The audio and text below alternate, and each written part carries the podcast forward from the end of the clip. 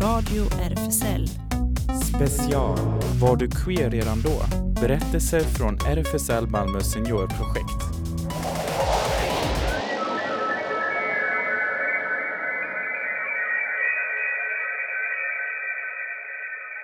Jag heter Claes och jag är, vad är jag, 77? 76 är jag. Jag går lite före. Eh, Och är född i Orsa. It's water, water everywhere. Not a drop to drink, so tell me now, what else can a poor fellow do but sit right down and think, think about his girl. Think about the times we had together, boy. On Friday we paint the town, but now she ain't around. There's only water, water everywhere. Not a drop to drink, so tell me now, what else can a poor fellow do but sit right down and think? Och sen flyttade vi till Borlänge och där växte jag upp och gick i skolan. En alldeles förfärlig stad. Och så flydde jag fort ner till Lund när jag var klar för att läsa på do?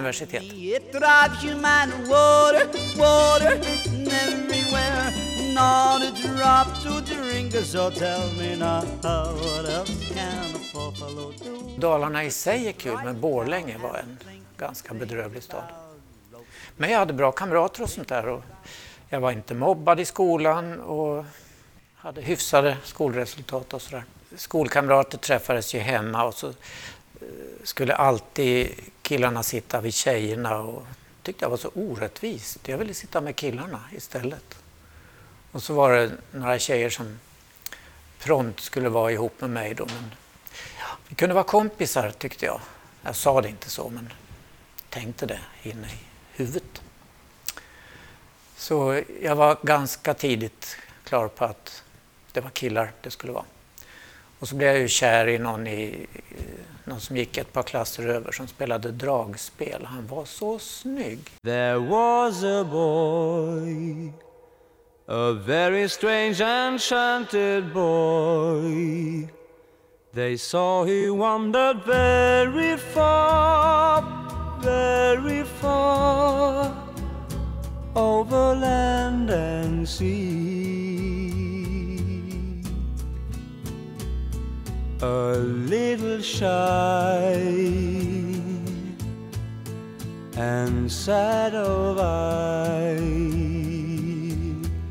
but very wise was he. Nej, det dröjde ända till, eh, till ja, vad var jag? 19 kanske, eller något sånt där. Innan jag först fick till det med en kille. Men jag visste ju tydligt eh, innan så att eh, när jag gjorde lumpen så eh, låg jag i Östersund och blev fältjägare kallades det. Det tyckte jag var jättekul. Och det var ju bara killar på, på luckan så det var ju trevligt. Jag prenumererade på en dansk eh, gay-tidskrift som heter EOS. Eh, och den lät jag sända efter med posten då till logementet i Östersund, så den hade jag i mitt skåp. Eh, I eftertid har jag tänkt att det var ju ganska djärvt, för det var skåpinspektion då och då när befälet kom in och alla fick öppna luckorna och visa vad man hade i skåpet. Men eh, det gick bra.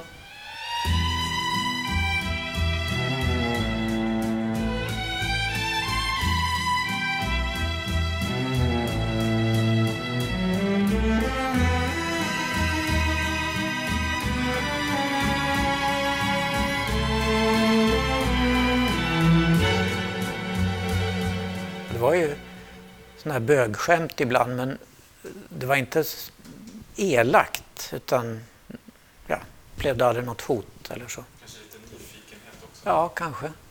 Ja, det var innan, innan lumpen träffade jag en. eh, Det var nog också via någon annons i en tidning, kanske rent av den danska.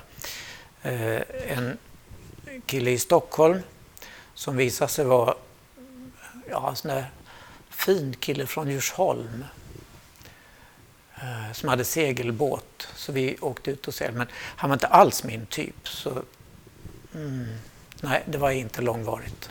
Men sen satte jag själv in annon annons i den där danska tidningen. Eh, och den lästes då av en norsk student i Lund som läste medeltidsarkeologi. Så han skrev till mig ihop med ett antal andra. Men hans brev var mest intressant tyckte jag, så jag svarade honom. Och så fick vi kontakt. Den 1 december 1969 ringde jag på hans dörr. Han bodde i ett student, studentområde i norra delen av Lund. Och det var iskallt och jag hade pälsmössa. Han har berättat efteråt att där utanför stod en jättesöt kille med röd näsa och rimfrost i, i håret ungefär. För det var så kallt. Och så tände det då. Så sen blev vi ihop i första omgången i sju år.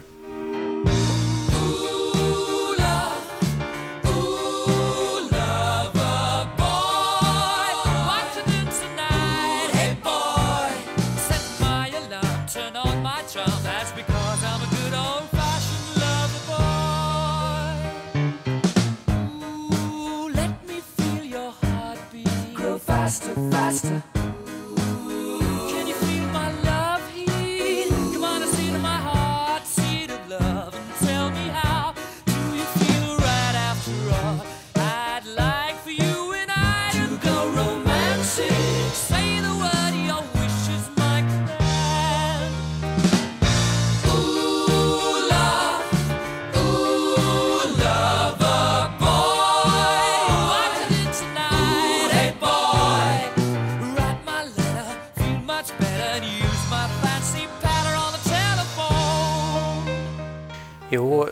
Han jobbade halvtid på Riksantikvarieämbetet i Oslo eh, och läste halvtid, så han var, reste väldigt mycket fram och tillbaks mellan Oslo och Lund.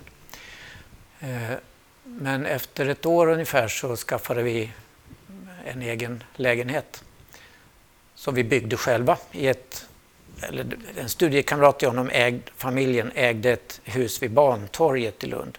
Och högst upp fanns två pigkammare som hade använts fram till 30-talet.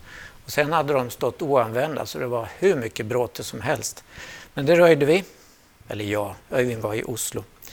Så jag och några eh, kompisar röjde och målade och piffade upp det där. Så vi hade liksom varsitt rum i varsin ände av en lång korridor.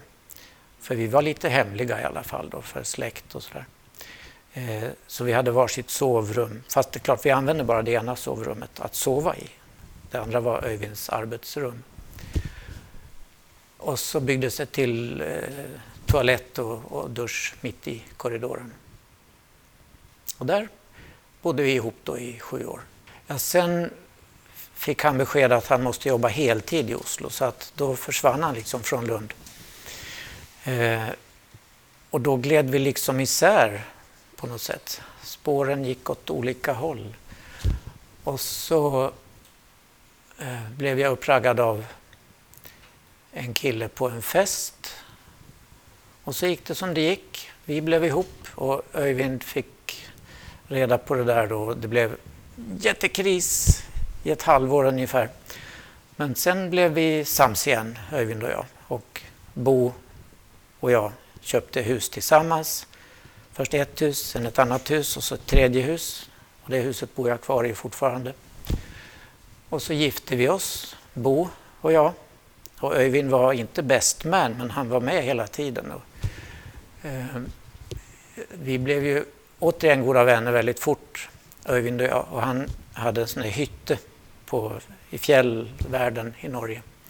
Så varje påsk var jag där i en eller två veckor.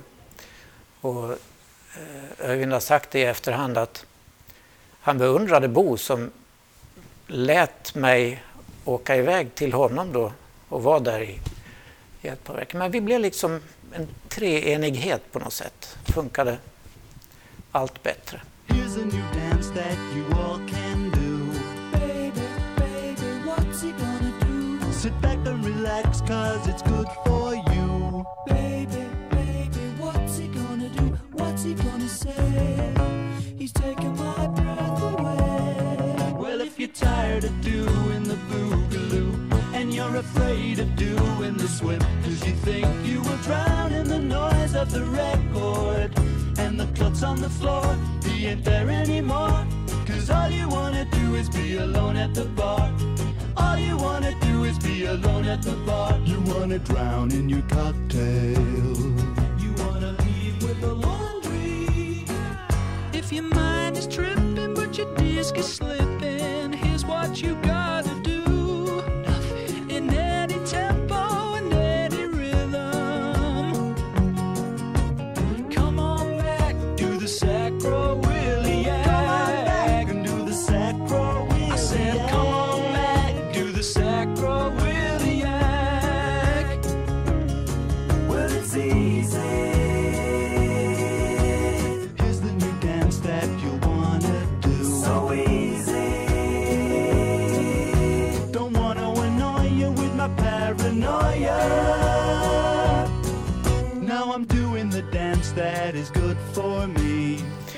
det var ju, vi hade olika förutsättningar för att i Sverige var det lagligt att vara homosexuell från 1944.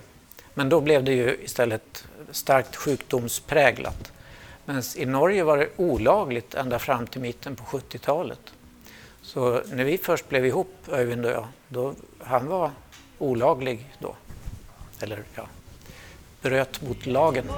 And I never ever wanna be alone at the bar. I never ever wanna be alone at the bar.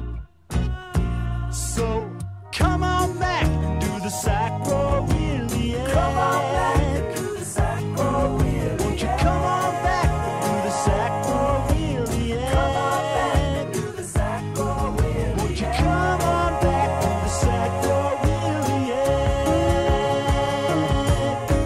Ja, han berättade aldrig för sina föräldrar eh, så länge de levde exakt vad det handlade om, men de begrep ju. Han bodde hemma hos, hos familjen första åren och när jag var på besök så sov vi ju tillsammans i hans lilla sovrum och det var väggar av typ papp. Så på natten kunde man höra hans far snarka kolossalt i sovrummet intill, så de hörde ju antagligen precis.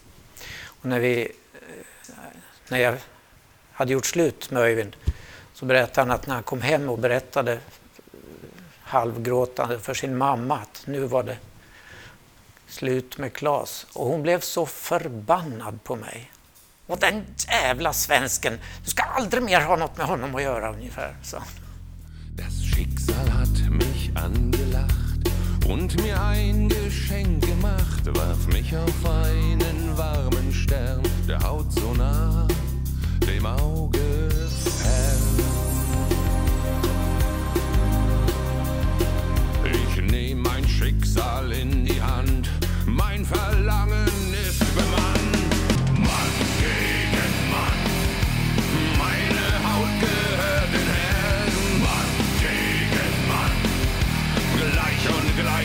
Entsetzlichen. Mann gegen Mann, ich bin der Diener zweier Herren.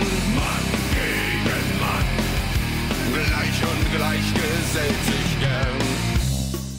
Min far, det var Bo, min dåvarande make, som fick mig att köpa ett hus åt honom i närheten av det hus vi hade då, Bo och jag, i samma lilla by, Käglinge. Så fick han flytta ner och levde upp. Han blev en annan människa, han hade problem hemma i Borlänge och sådär.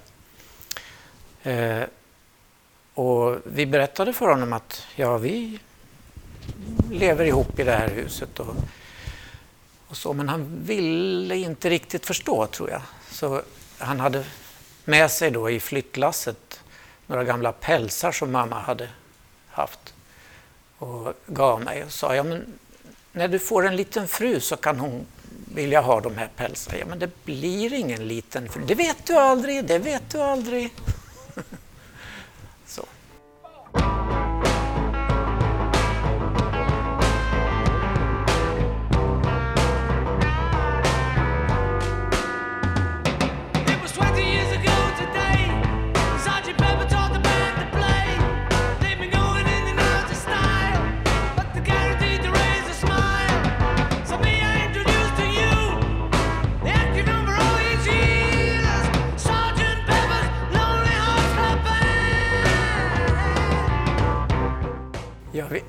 Gifte oss ju så fort det blev tillåtet, eller ingick partnerskap eh, så fort det blev tillåtet och sen gifte vi oss när det blev tillåtet.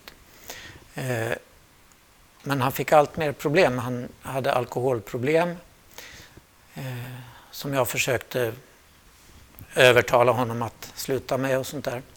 Vilket ju han upplevde som väldigt tjatigt. Så han, han sa ofta på slutet Eh, när det börjar närma sig jul då att Öyvind kommer väl ner till julen va? För då visste han att när Öyvind var i huset så tjatade jag inte lika mycket. Så då fick han lite lugnare och kunde ha sin lilla flaska i garderoben och sådär. Men eh, sen tog hälsan ut sin hämnd på honom. 2008 dog han knall och fall under en liten trädgårdsfest. Dog under ett blommande äppelträd, var väldigt fint.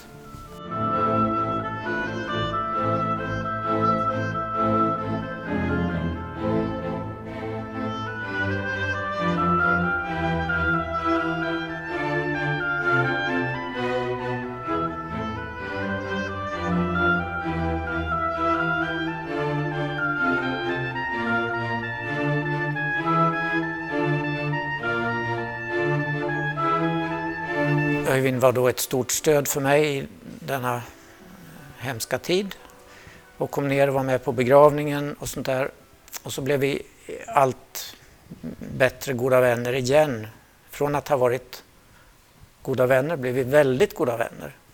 Och så framåt 2012 eller sånt där så sa en av oss, jag kommer inte ihåg vem, men ska vi inte ta och gifta oss nu då i alla fall? Jo men det gör vi, sa den andra. Och så 2013 gifte vi oss i Norge i eh, det fantastiska hus där Öyvind bor med en eh, hovrättsdomare som officiant. De har liksom en stor sal i det där huset där vi kunde vara. Så där firade vi vårt bröllop. Och, eh, jo, Olav, kompisen, var med och sjöng och var min best man. Sådär.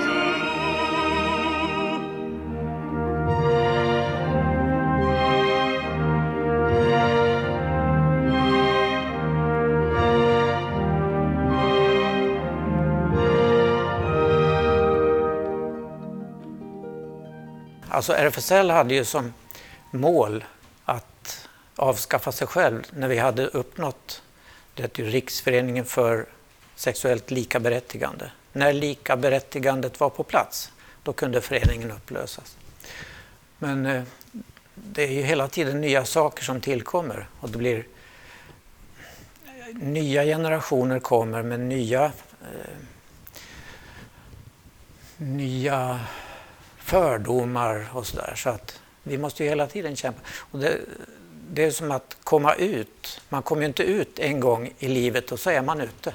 Utan i varje nytt socialt sammanhang måste man komma ut. Varje ny arbetsgruppering eller gym man går på eller vad som helst. Så, ja, det var när den här seniorgruppen startade så, så pratade jag med chefen på gymmet och att nu ska vi starta en seniorgrupp och då skulle vi gärna vilja komma hit, kanske de vill i gruppen. Och då kan vi kanske få en rabatt. Ja, vad är det för en grupp då? Ja, det är RFSL som startar en seniorgrupp. Nej, vad kul! Ja, ni är så välkomna och sånt där.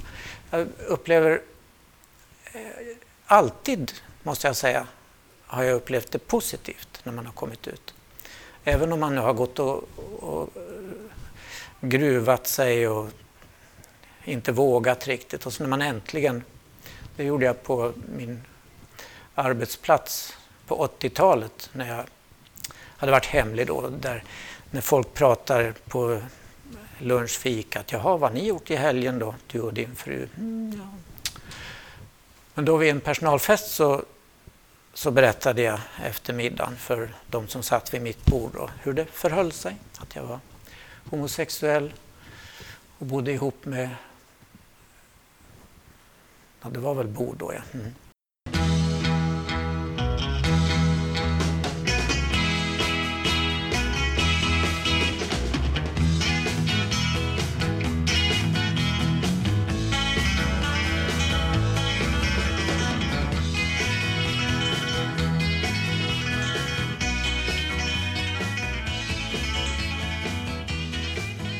Och de blev så förbannade på mig. Din jävla typ, varför har du hållit det här hemligt? Det är en så viktig del av ditt liv. Åh! Du ska säga på en gång. Men det var ju en positiv förbannelse. Var det.